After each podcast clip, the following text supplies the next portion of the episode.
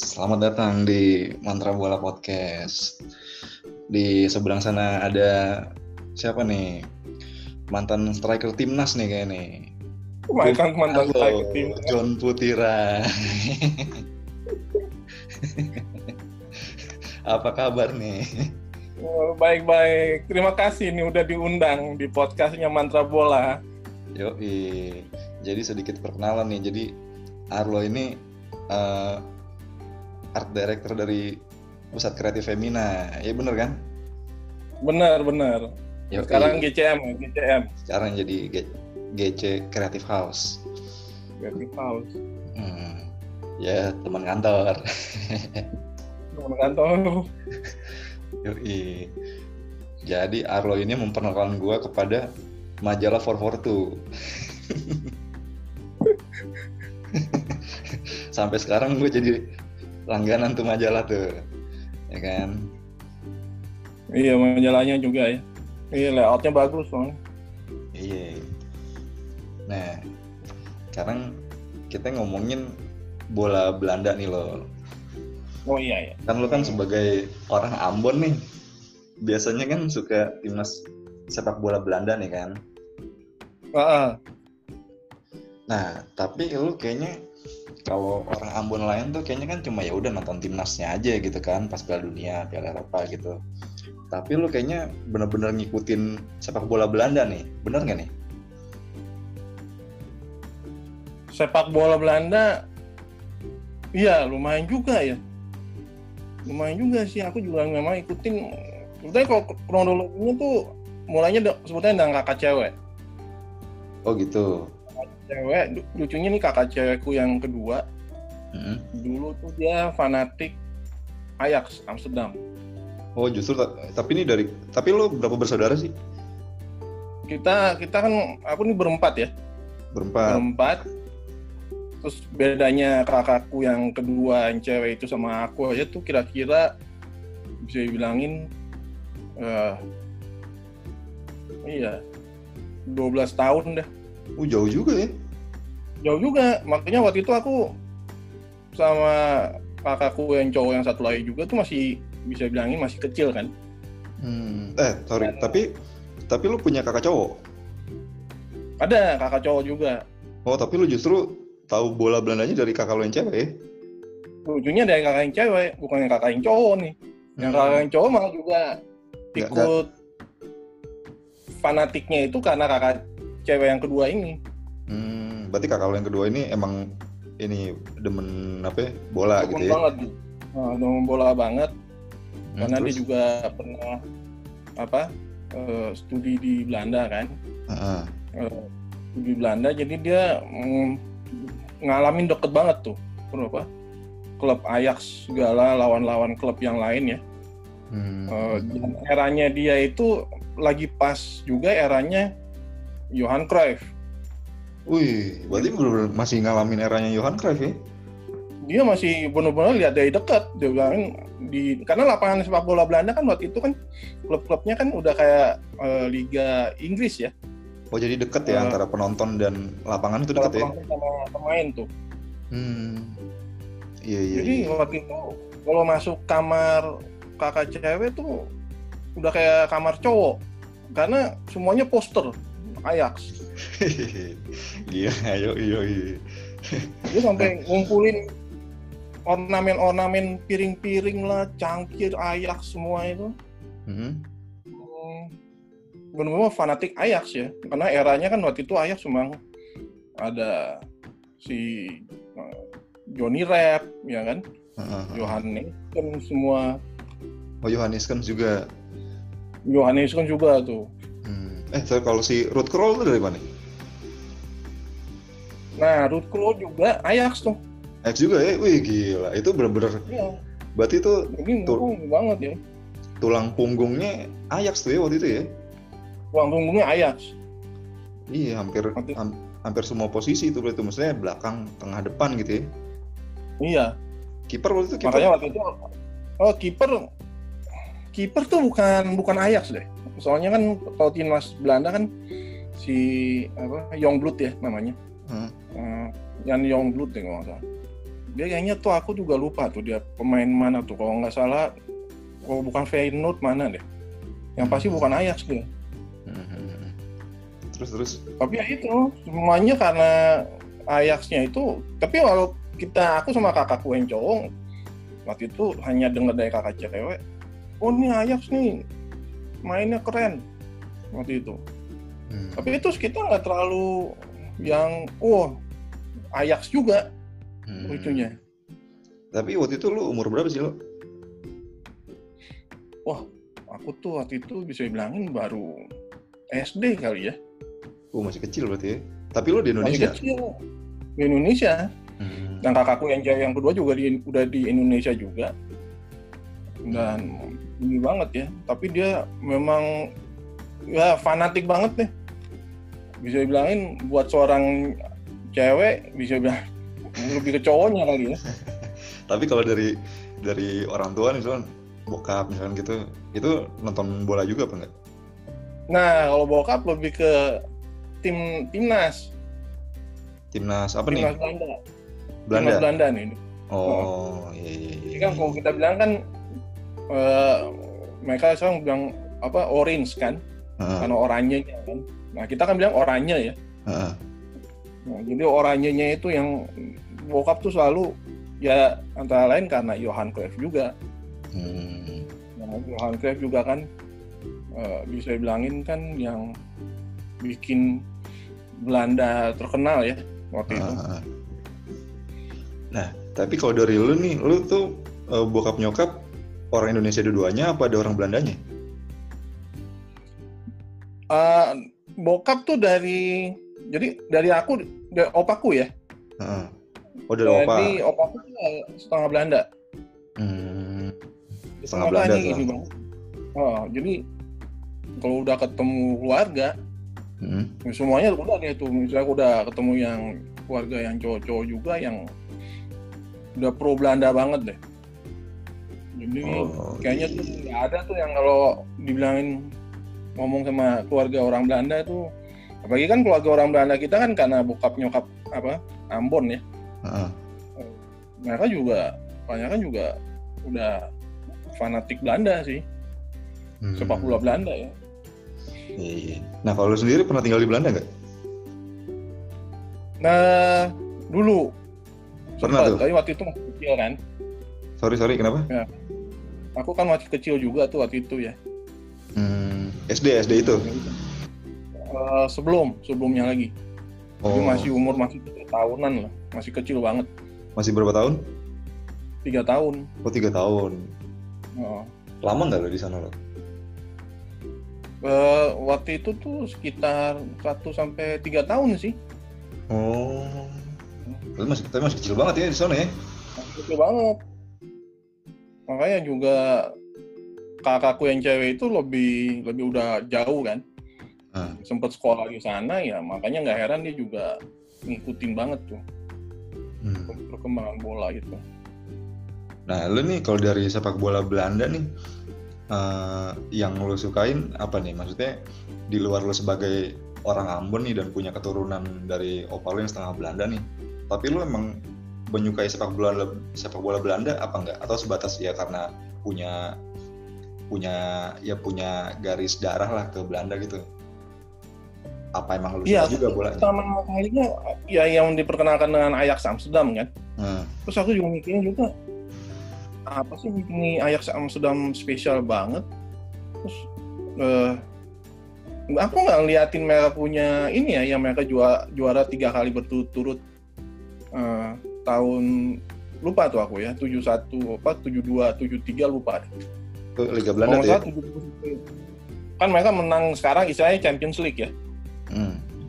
dulu kan apalagi namanya European Cup, itu, European Cup dulu. European Cup ya Ah, dulu European Cup kan Nah, namanya. Aku nggak nggak terlalu lihat ke situnya itu. Pertama kali aku lihat akhirnya mereka itu ya tahun 74. Hmm. 74 itu Piala Dunia.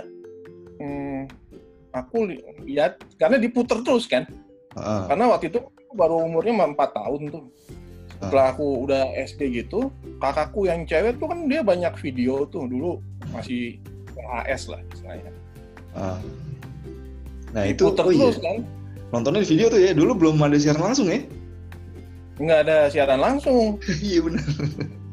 jadi kita istilahnya langsung dapet video dari saudara-saudara yang dari Belanda dikirim kan gitu waktu kita di Indonesia nih apa 74 Hmm. jadi kita lihat siarannya kan apa Heeh. videonya itu terus wah permainannya kan memang bisa dibilangin seru banget gitu asik makanya aku langsung lihat dari situ tuh 74 mulai aku ikutin tuh timnas Belanda ya Iya iya. sampai 8 juga masih sempet juga 78 tapi udah nggak ada Johan Cruyff ya. ah Johan Cruyff udah nggak ada tuh dan generasinya juga udah sebagian besar pemain-pemainnya juga bukan Ajax juga Hmm. Eh, malah pemain PSV di dalam situ di dalam pemain timnasnya itu Eh, tapi kan 78 tuh masih Rinus Michel nggak sih? Masih kan? Eh 78 itu sini. Eh, apa? Lucunya pelatih Austria namanya Ernst Happel. Oh, udah bukan Rinus Michel ya? bukan Rinus Michel lagi si apa yang pelatih Austria Ernst Happel yang akhirnya di, Austria kan ada stadionnya sendiri tuh dia. Hmm. Eh, dia tuh yang karena dia punya filosofi juga total football ya Hmm, Oh berarti, oh berarti walaupun ganti pelatih tapi masih tetap total football ya 78. total footballnya itu yang diterusin ya Sa- sama Federasi Belanda itu yang Federasi Bola Belanda kan si KNVB itu waktu itu. Mhm. Iya iya iya. Nah, tar lu nih, tadi balik ke yang 74 kan lu nonton lewat video nih. Nah. Lu kan lu pernah ngasih gue tuh video Belanda 74. Iya, Udah transferan tuh DVD kan. Nah, DVD dari Nah, transfer itu- tuh. Nah, itu asalnya dari video yang lu tonton dari dikirim dari Belanda Iya. bukan? Itu. Iya benar. Wih, yoi. Jadi ada ada ya, ya, ya itu kan dikirim dari Belanda itu. Yoi, kayaknya abis ini gue mesti nonton lagi nih kayaknya nih. Mesti nonton lagi tuh seru banget sih memang. Yoi. Itu yang Ya, sih. apa terakhirnya kan kalah tuh lawan Jerman kan? Iya. Kan itu, itu katanya gue baca di mana gitu gue lupa. Katanya itu jadi pas selama Piala Dunia itu si Belanda ini kalau pas lagi mau tanding dia pas di bus nyetel lagunya lagu David Bowie. Nah begitu pas final tuh lagu hilang. Jadi nggak disetel. Ah. Jadi bisa jadi kalahnya karena kagak dengerin David Bowie tuh. ya kan? Dan nah tapi di sisi lain itu selain itu juga barangkali ya, ya Mitos. Mitos benar. Be- Ya kalau dibaca dan interview sama si Willem van Hanegem tuh eh, pemain dia kan pemain Feyenoord kan Hah. yang main di tahun 74 juga tuh sama si Johan Cruyff. Kesannya tuh setelah mereka menang dengan gampang, bukan menang ya, masukin gol pertama itu kan cepet banget tuh, Cepet, iya benar. cepet banget. Setelah itu kayaknya ada di dua kubu tuh, yang satu pengen menyerang, yang satu lagi maunya bertahan. I, yang bertahan siapa nih? Belanda. Yang bertahan yang jadi yang pemain Belanda itu tau-tau jadi kayak kebelah dua timnasnya itu. Kalau dengar dari si Willem van Hanegem ya, Hmm. yang si Willem itu maunya nih menyerang terus, Hmm. tapi rupanya nih ada bagian setengahnya lagi tuh yang nggak mau ngambil untuk menyerang. Jadi itu di tengah pertandingan tau-tau kayak dua suara gitu ya. Dua suara, Hmm, mungkin karena wah lawannya tuan rumah nih, udah itu Jerman pula gitu kan. tuan rumah juga, terus pemikiran mereka wah ini bakalan gampang nih ya setelah gol pertamanya aja cepet kan. Iya. Soloran Oh, kan, jadi Johan Cruyff kan.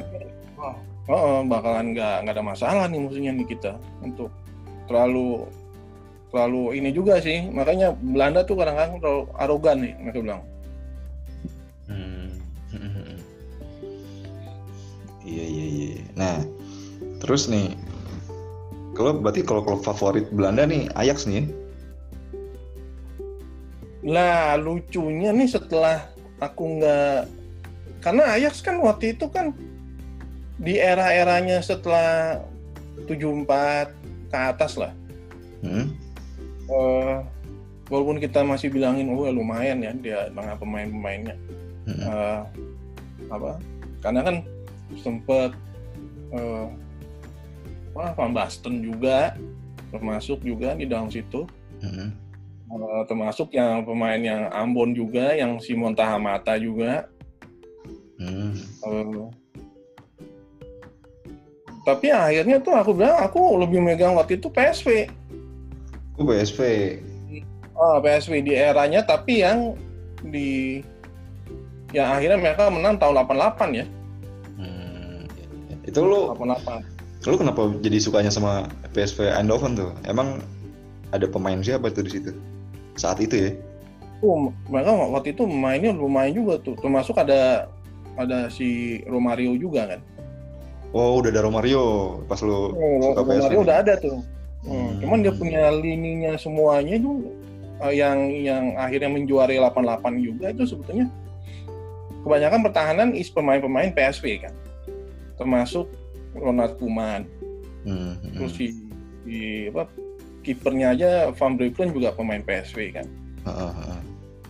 Hmm, Terus ada Van Arle itu juga PSV juga. Yo, yo, Jadi lum- lumayan tuh. Mereka waktu itu makanya juara Champions League juga kan. Hmm, tahun 88. Nah, tapi lu sampai sekarang masih supporter PSV Eindhoven nih? Sampai sekarang aku masih PSV. Wih, gua, selama ini gue kira tuh Ajax lu. iya. Makanya pas kalau liatin Ajax sih kadang-kadang cemburu juga sih. tapi tapi ya terus gue ngeliatin PSV ya walaupun dengan ininya yang masih bisa keep up lah ya. Sama Iya, Ajax. iya, iya. PSV itu terakhir sih eh, melahirkan bintang, maksudnya yang lumayan lah pemainnya, nggak eh, yang muda-muda gitu, mungkin yang seangkatannya. Kalau Ajax kan terakhir kan Frankie De Jong, Matis Deli. Nah kalau si PSV itu yang sekarang-sekarang siapa sih? PSV itu sayang itu pemain-pemain kebanyakan udah banyak pemain luar negeri. Oh, itu Jadi tuh yang aku sayang dari- banget mereka tuh oh nggak nggak ada pemain apa kayak orang pemain Belandanya ya. Hmm. tapi kan barusan kan Luke De Jong tuh. Oh gitu. Wah lu ngikutin banget nih, gue nggak tahu nih.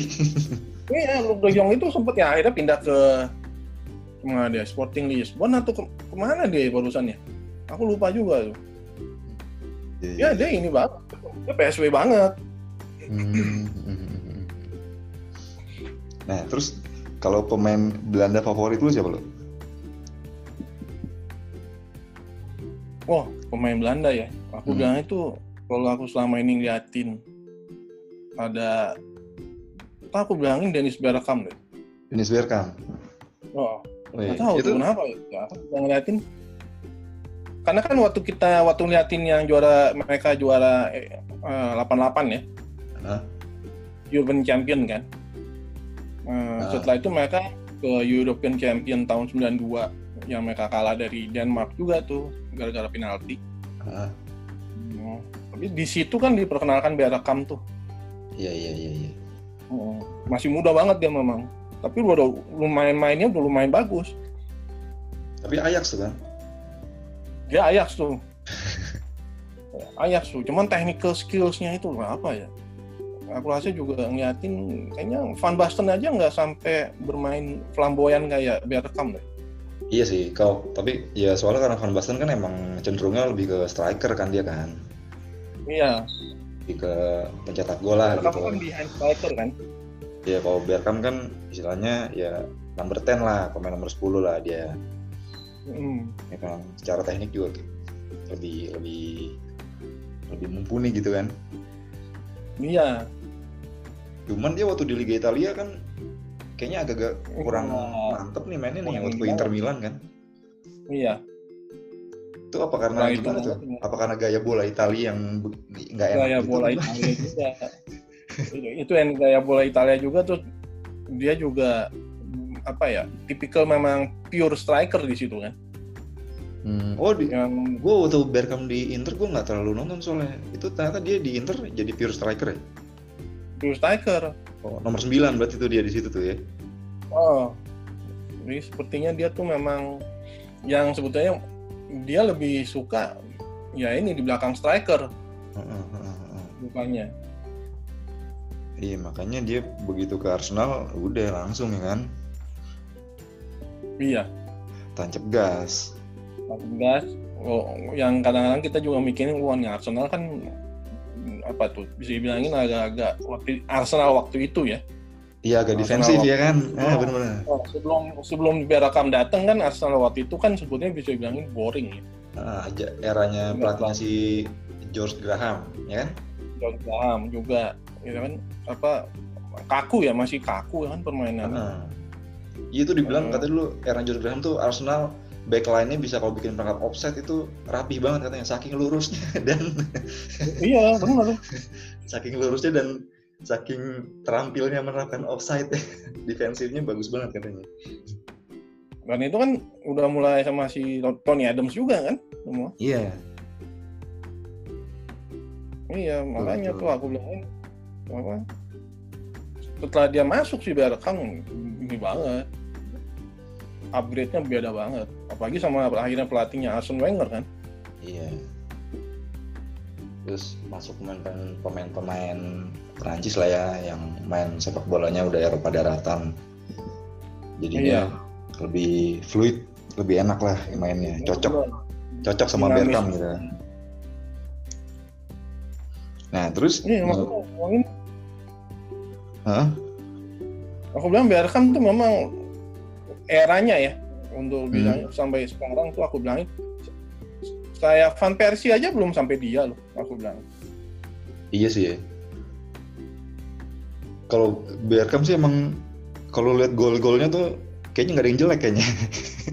Gak ada yang jelek tuh visinya juga kan yang dia kan Hmm. asisnya itu juga bisa ngelihatnya itu loh Iya betul. untuk ya, Van Persie kan bukan nggak dia pure striker juga di depan kan Iya, belakangan. Karena kayaknya dia di- terbalik sih nih sama Dennis Bergkamp. Dennis Bergkamp tadinya kan striker terus jadi pemain nomor 10 gitu kan. Nah, kalau Van Persie kan awal-awal mula karirnya dia kan awalnya kan dia nggak nggak nggak nggak pemain nomor 9 tadinya kan. iya Agak di belakang juga, agak ke winger, suka melebar lah mainnya. Tapi lama-lama dijadiin striker akhirnya jadi nomor 9. iya walaupun Jaga. kita bisa bandingin kan striker banyak ya seperti itu yang Belanda nih Hmm. Mr. Roy semua kan termasuk si Van Persie semua juga lini-lini tapi aku bangun sampai level-level kayak Bergkamp udah udah jarang tuh Iya ya. Hmm. Kecuali kalau kita liatin dulu yang zamannya sempet si Simon Tahamata ya. Yang Ambon nih, orang Ambon. Nah, itu juga nah, Ambon tuh tuh Enong Tua itu juga walaupun dia badannya mungil gitu tapi ya skillful banget tuh. Hmm. Iya, iya, iya. Eh, itu berarti dia masuknya dia tahun berapa sih? Lupa tadi gue tuh. Dia iya dia tuh kategorinya mestinya di tahun 80-an ya. Hmm. Tapi bukan bukan di tim yang 88 bukan. Bukan. Ya, dia sama timnas Belanda lucunya nggak terlalu apa ya, kayak nggak pernah Belanda kan waktu itu tuh, nah ini nih aku juga walaupun suka timnas Belanda ya, kadang-kadang kan timnas Belanda tuh naik turun ya, Iya benar. Nah, nggak ada konsistensi kayak tim timnasnya Jerman ya kan, atau atau seenggaknya kayak Italia juga waktu itu kan konsisten gitu kan. Hmm. Belanda tuh kadang-kadang foto bisa hilang kan dia beberapa Iya tahun. Toto nggak ikut Piala Dunia gitu kan. Oh, nggak mau ikut Piala Dunia tuh Piala Eropanya juga nggak ikut juga kadang-kadang. Eh, iya. Hmm, Ya, itu sekali muncul, Hah? gitu sekali muncul sih seru sih, tapi ya yang itu, Toto nggak kesampaian lagi. Iya. Ya itu terakhir yang ketemu Spanyol 2000 berapa? 10 ya. Iya, 2010 ya. Heeh. Tapi gue bilang tuh mainnya nggak nggak Belanda sih kayaknya. Enggak, itu nggak Belanda tuh. Ya kan mainnya Iya. ya pragmatis gitu. Heeh. Ya kan malah Karena- malah malah yang main gaya Belanda malah Spanyolnya. Iya, benar. Dan, pelatihnya memang pelatih yang yang tipikal eh, ini apa? Bukan attacking minded ya. Iya waktu itu siapa? di siapa Van, Van Marwijk itu Oh iya. Gerd Van Mar Van Marwijk Marwijk, betul betul. Nah, lu nih sekarang nih lu momen paling favorit lu udah selama apa menyaksikan sepak bola Belanda itu yang mana itu lo? waduh mesti tahun 88 tuh ya Juara, waktu juara. nah, karena itu akhirnya aku ngikutin eh, live Hmm. waktu itu akhirnya bisa nonton live kan Eh, 88 tuh udah disiarin ya di sini ya? tahun 88 udah disiarin TVRI. eh wah aku nggak tahu tuh TVRI atau enggak ya tapi yang pasti udah disiarin waktu itu Hmm. Nah, Iya, iya. hmm, wah ini banget kita sampai kontak-kontakan sama saudara-saudara yang di Belanda Hmm. Iya. waktu itu kan mainnya kan di Jerman ya berarti di kita tuh eh, biasanya ya pagi kan dini hari. Nah, gini hari Eh, tapi waktu itu kan finalnya kan untungnya kan mainnya kan hmm, siang ya Oh, kita gitu. jadi malam Oh. Jadi Malamnya masih- tapi tapi malamnya belum sampai dini hari tuh ya? Eh, belum belum tapi Iya, itu iya. 88 ini banget apa iya udah kelihatan banget sih ya timnya itu akhirnya Dan itu karena kan kita terdiri dari pemain-pemain yang memang udah juara di di klub-klubnya masing-masing iya. Waktu itu kan ya Van Basten ya kan? Ah, terus Rijkaard Eh, Van Basten sama Rijkaard Ajax kan? sama Van Basten, Rijkaard waktu itu mereka udah di AC Milan tuh Oh, udah di AC Milan. Oh, udah pindah udah ya? di AC Milan. Oh, sama si Gullit Gullit juga AC Milan juga tuh Oh, udah di AC Milan juga.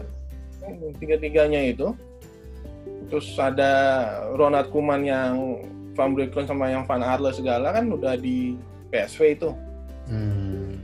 nah, terus digabungin sama pemain eh, PSV juga ada yang satu juga yang terkenal tuh eh, Gerald Vandenberg Itu dia posisinya apa? dia posisinya tuh bisa bilangin kayak eh, hanging midfield kali ya jadi Ah, gua kayak midfield midfield eh, defend defender oh, defensive midfielder lah ya. Ah. Terus ada Ian Walters. Ian Walters kan juga ini banget ya, pemain tengah kan. Makanya kalau dirimu inget, Ian Walters kan pernah ngikut si Paul Gascoigne kan sampai akhirnya rahangnya apa? Akhirnya dia mesti nggak bisa main kan si Gascoigne waktu itu. Hmm. Waktu lawan Inggris, Belanda. Gua gua agak samar-samar nih Ian Walters gue pernah tahu cuma gue lupa orang yang mana. Itu yang kalau dirimu nontonnya 88 lawan Jerman, Hmm? yang dia kasih bolanya ke Van Basten di passingnya itu loh passing terakhir dari dia tuh dari dia kan yang akhirnya Van Basten bikin gol kedua Hmm, ya gue lupa, gue lupa. Itu eh 88 tuh finalnya Belanda, Jerman kan? Belanda Rusia Oh Rusia. Oh Hmm. iya. iya, yang notabene Rusia di awal pertandingan lawan Belanda Rusia menang kan 1-0 Hmm. Pas di terus final akhirnya di final ketemu lagi nih kalah, pas di final kalah Rusia ya. Rusia kalah 2-0 Nah waktu itu yang menggugurkan Jerman Belanda.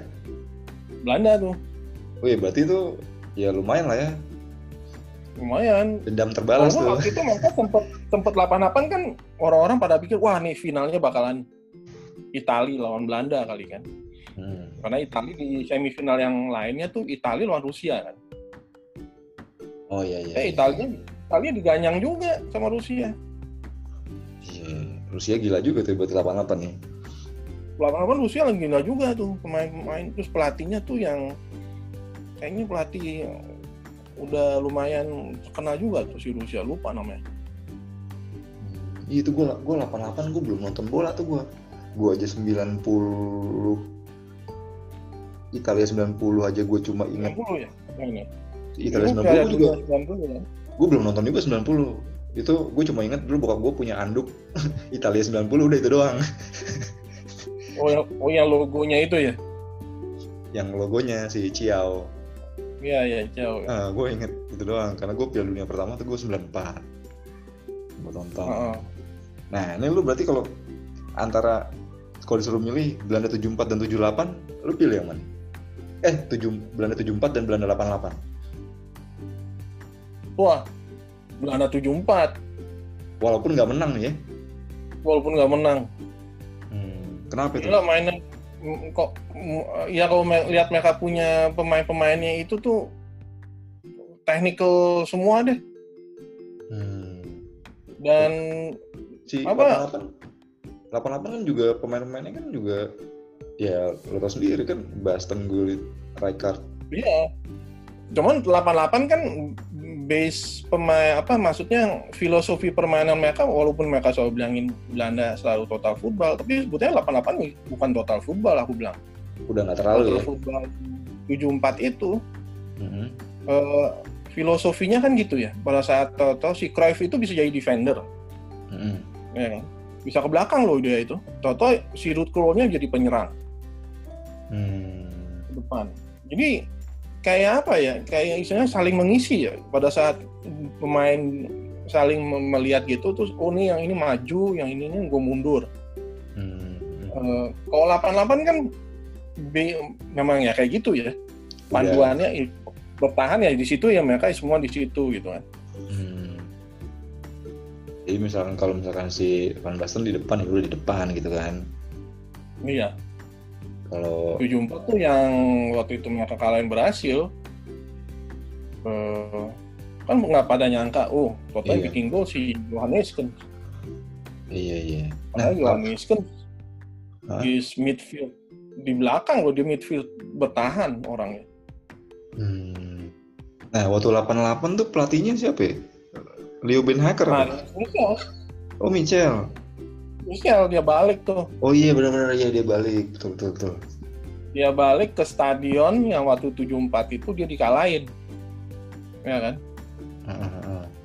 Iya Jadi betul di betul. stadion yang sama itu, eh, tapi bukan yang waktu lawan Jerman bukan kayaknya bukan di stadion yang sama sih.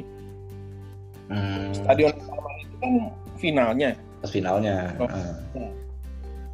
Ya kan? makanya dia juga nostalgia juga sih waktu dia akhirnya balik tahun 88 itu dia melatih Belanda ya di Jerman ya Ah. bertanding. Iya iya iya. iya. Nah, berarti ini kalau misalkan kan lu Belanda 74 atau Belanda 88 Belanda 74 nih milihnya.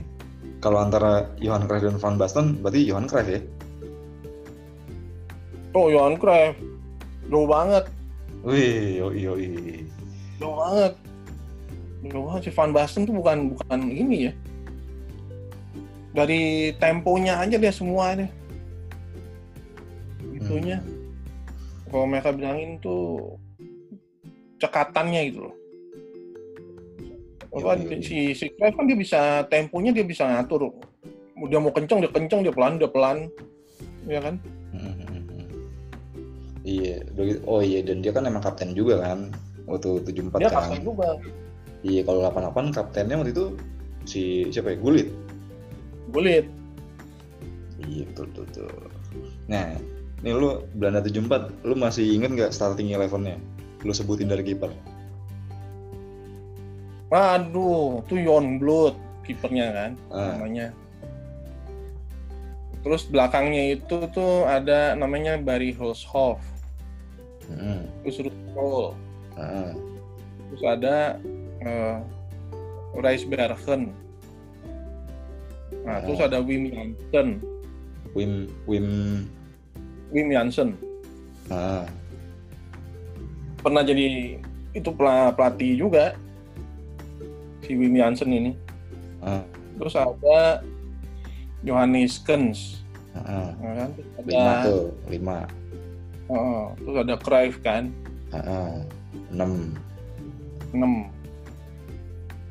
6. Eh, siapa lagi? iya, yang lain tuh nama-namanya agak-agak susah deh. Johnny Rep, Johnny Rep lu belum sebutin lo. Oh iya, Johnny Rep. Ah, Iya. Johnny Rep bener. Mm-mm. Terus Uh, gue lupa lupa inget nih si Arihan tuh kayaknya belum deh. Arihan bukan 74 juga ya? Arihan tuh eh, makanya gue lagi mikirin juga dia apakah dia 74 atau 78. Tapi kayaknya enggak deh. Soalnya dia tuh di tim 78 ya inget nggak ya waktu dia lawan Italia itu dia bikin gol yang lumayan jauh itu. Bikin oh. golnya mantep tuh waktu itu. Nggak inget gue dan belum nonton juga emang. oh, iya ya. Oh bener-bener. Berarti Arihan nggak nggak masuk 74 nih? Aku rasa dia enggak deh. Enggak ya? Dia nggak masuk 74. Oh. Berarti siapa lagi nih? Masih ingat nggak lu? Kurang 4 nih. Kurang 4 siapa ya? Aku juga lupa lagi nih. Gak terlalu ini banget ya. Mereka ini apa?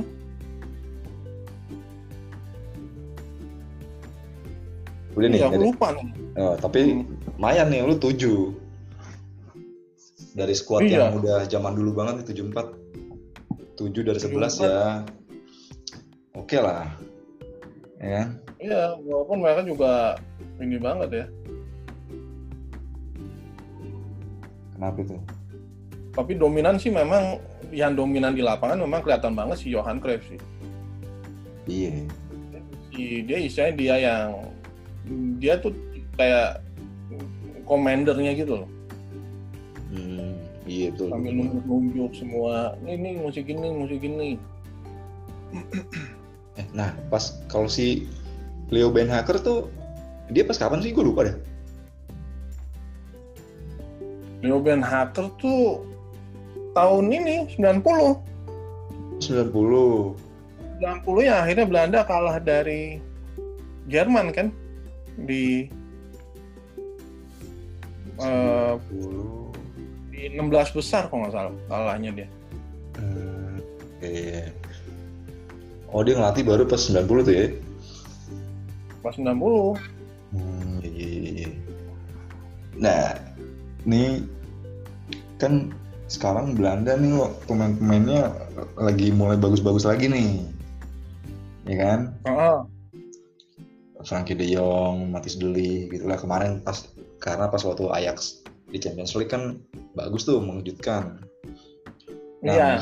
Menurut lo nih kira-kira Euro 2021 gimana nih Belanda nih?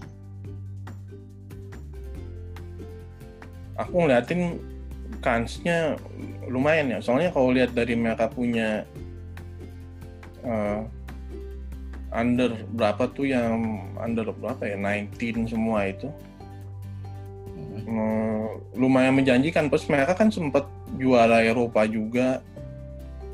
Uh, itu under berapa tuh? Nah itu aku lupa tuh antara antara under 19 atau under yang 20-an deh. Hmm, iya. Nah menurut lu siapa lagi sih selain generasi mudanya nih generasi mudanya lumayan menjanjikan sih.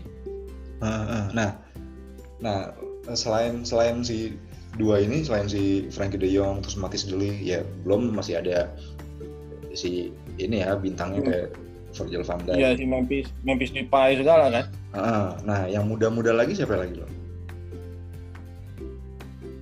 Nah yang muda lagi tuh termasuk si pemain Ajax itu tuh Van den Beek. Oh iya iya iya iya. iya. Uh, ini termasuk tuh ya? terus ada ada si Promes kan. Uh, Promes itu eh, sorry. Van de Beek itu striker kan? Striker. Dia striker tuh. Walaupun kadang-kadang waktu yang mereka masih timnya lengkap itu uh. Uh, sama si Frankie De Jong segala ayat Van den Beek kan kadang-kadang uh, di belakang striker ya.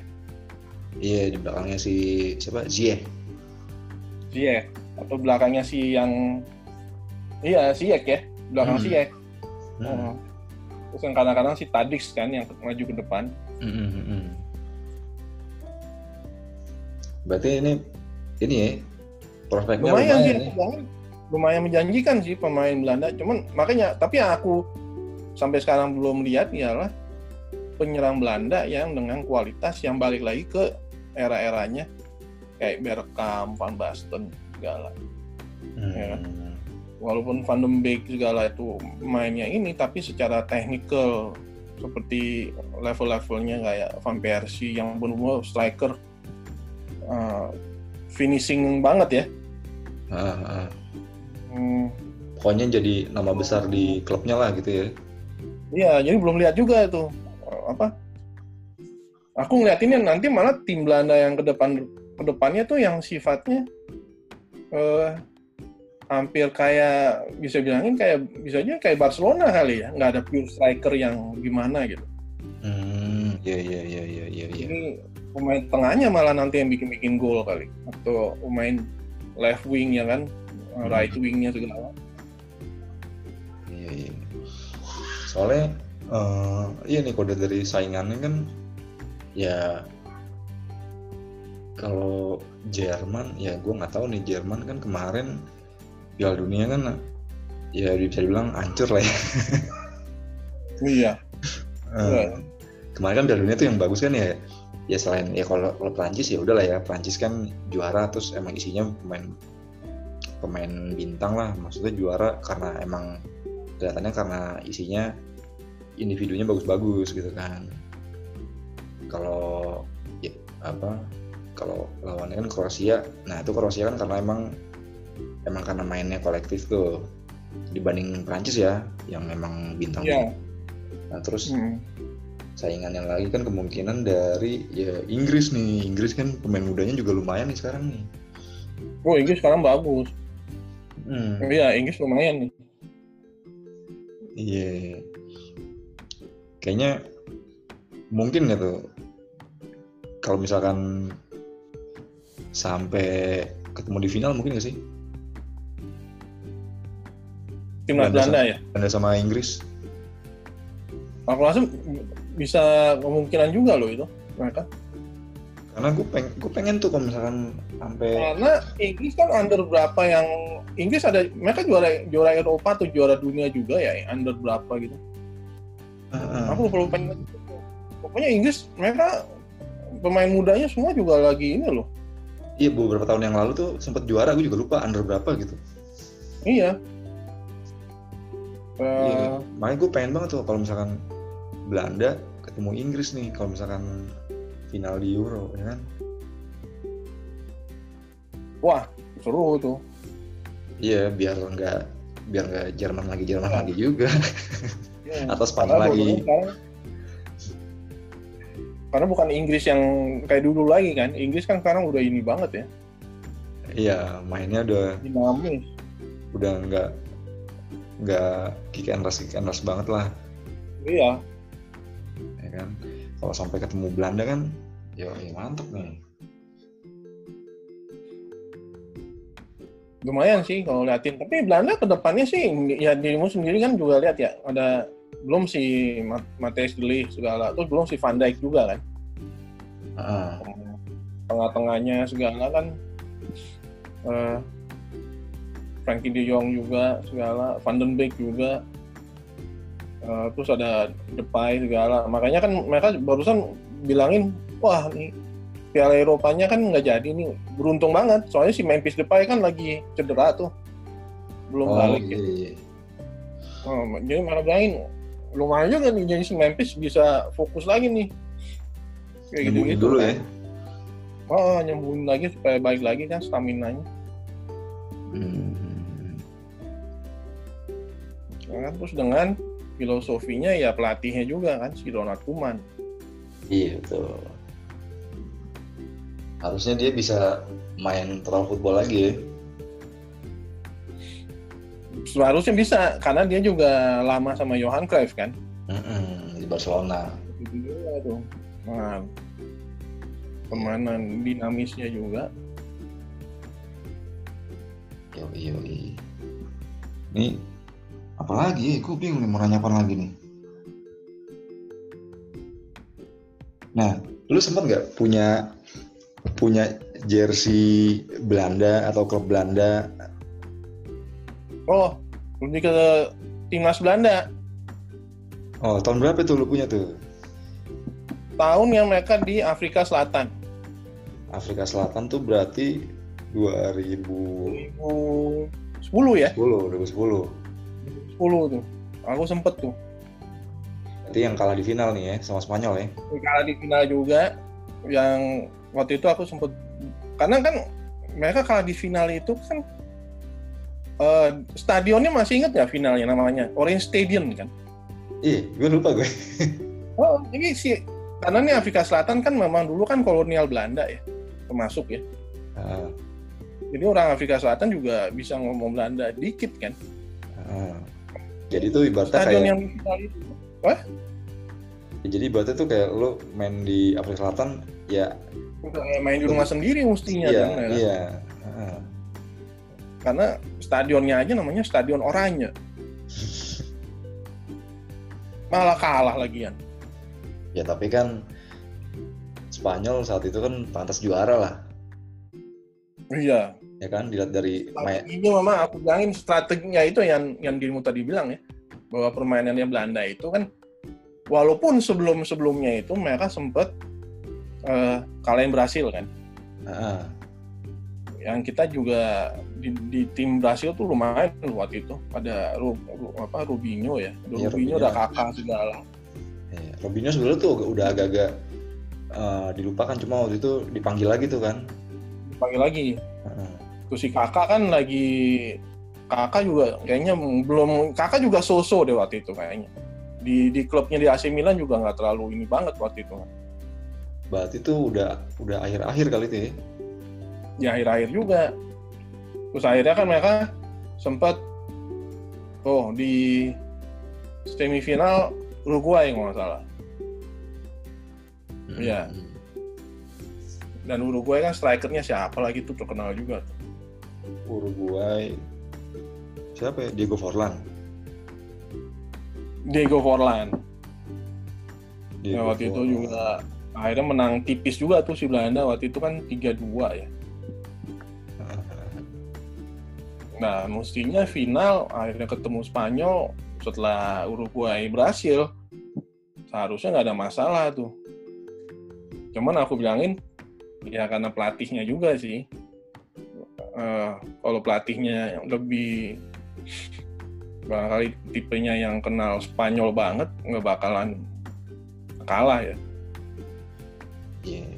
Karena yang waktu itu kan ini banget kan apa namanya ya Spanyol possession terus Belanda mainnya pragmatis cuma ya pada akhirnya Spanyolnya cukup sabar nih akhirnya jebol iya. juga karena perpanjangan waktu kan akhirnya kan iya perpanjangan waktu ya akhirnya gitu tuh. Akhirnya kan pemain Belanda juga mereka waktu itu juga bilang kayak si Wesley Snyder kan masih main tuh. Dia juga bilangin uh, uh, golnya itu tuh sebenarnya terlalu mudah banget buat mereka apa sampai dapat gol itu ya. Uh, ya itu karena udah kepanjangan waktu kali kan. Fokusnya juga kali. Iya tapi ya Spanyol pantas sih waktu itu soalnya kan emang lagi warisan lagi banget. Apa ya waktu kan Pep Guardiola lagi lagi pick-picknya tuh di Barcelona kan. Iya. Terus ujung-ujungnya kan ya Spanyol isinya ya kalau nggak Barcelona Real Madrid. Ya udah oh. jadi emang dan setelah itu kan emang Spanyol lagi apa ya setelah menang itu kan ya udah tuh emang udah generasi emasnya Spanyol terus besoknya juga Euro juara lagi ya kan? Kayak ya. Prancis kayak Prancis kan back to back ya. Hmm. udah juara dunia tuh juara Eropa lagi kan? Iya kayak Prancis 98 terus 2000 dari Piala Dunia terus juara lagi Eropa gitu. Jadi kayaknya emang Belanda di saat yang tidak tepat kayaknya. Iya ya yang yang orang Belanda selalu bilang mereka pada saat di finalnya itu tuh kadang-kadang mereka mau terlalu main indah kan? Atau terlalu mau? Atau kadang-kadang arogannya muncul tuh. Iya iya. Karena udah ya 74 kan udah saking bisa sampai final dengan mainnya yang kayak gitu kan. Main iya. indah. Sudah gitu lawan Jerman baru awal-awal udah golin. Mungkin dikiranya udah Lupa, ya gampang nih. Nggak tahu iya dan tahun 88 itu mereka juga hampir kejadian sama juga setelah mereka menang dari Jerman uh. Uh, mereka kan udah berpesta-pesta tuh pemainnya kan. Kesannya tuh kayak mereka udah menang final gitu. Hmm. Itu si Rinus Michel lagi tuh yang tarik mereka lagi balik. Rinus Michel bilang, loh, ini belum final loh, belum belum kalian belum menang apa-apa. Dia bilang, ini tinggal satu pertandingan lagi nih. Makanya si Van Basten juga bilang akhirnya kan, iya ya, kita selama ini kan selalu posisi dua. Dia bilangin kalau nggak posisi dua, posisi tiga. Ya, sekali-sekali kita mesti menang lah, gitu kan. Dan akhirnya tuh lah, udah ya 88 Akhirnya menang juga tuh, walaupun di awal-awal menit-menit menit 20 menit pertama tuh Rusia lumayan loh ya. Iya. Sebenarnya Rusia tuh waktu itu mereka bisa bikin gol duluan tuh. Eh ini final 88 ini kan yang golnya Van Basten yang dari sudut sempit itu kan? Sudut sempit itu, yang siapa kipernya kan Dasayev ya. Desayev iya. Hmm. Yang di volley dari sudut sempit itu kan? Sudut sempit itu. Ya sebetulnya dia nggak nggak nggak. Kalau ditanya lagi kan akhirnya dia bilang dia sebetulnya udah capek juga kan waktu itu. Siapa Dia yang? nggak mungkin paham tuh bola juga. Dia bilang ya dia ngambil se- secara laki laki gas aja tuh. Dan emang emang kayaknya nggak mungkin sih dari segitu untuk di volley pula. Iya.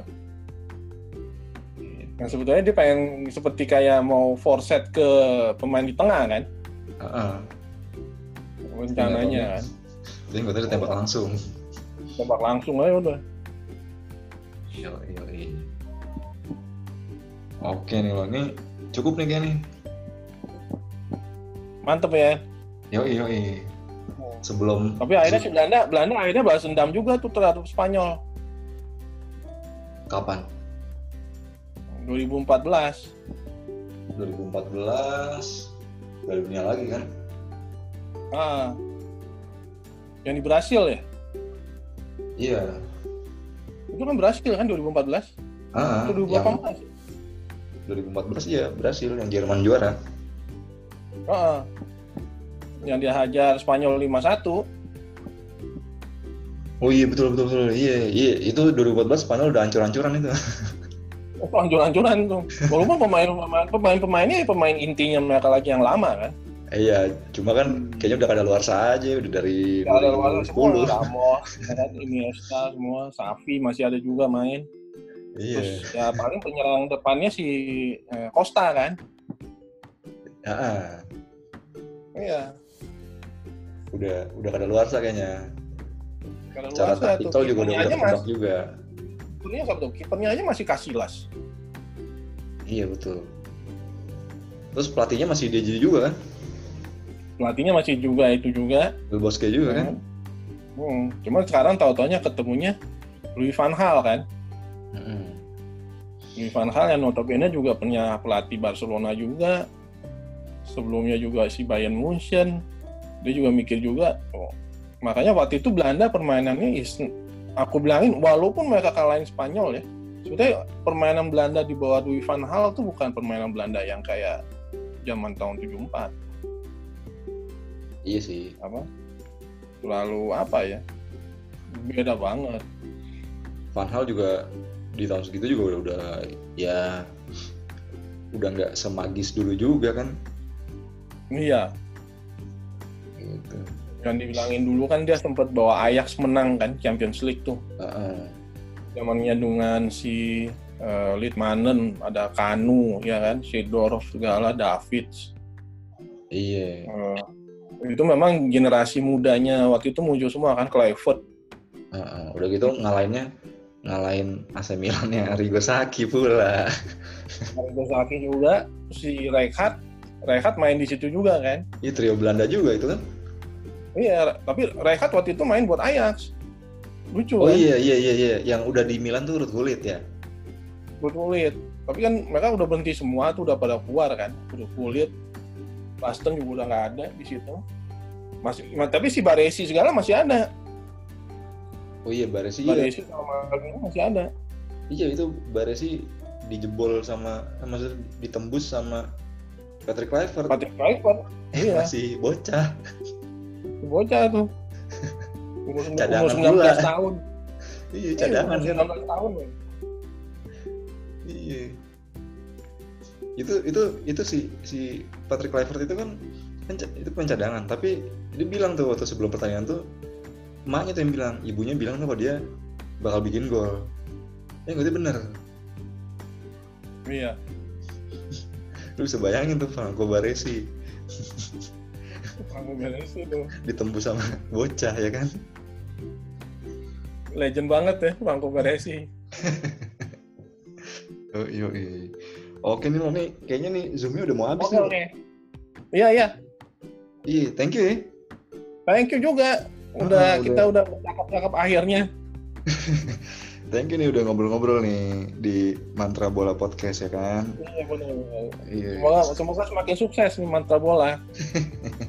Yo yo ya udah nih sampai jumpa lagi nih di episode sampai jumpa berikutnya. lagi ya thank you. Thank you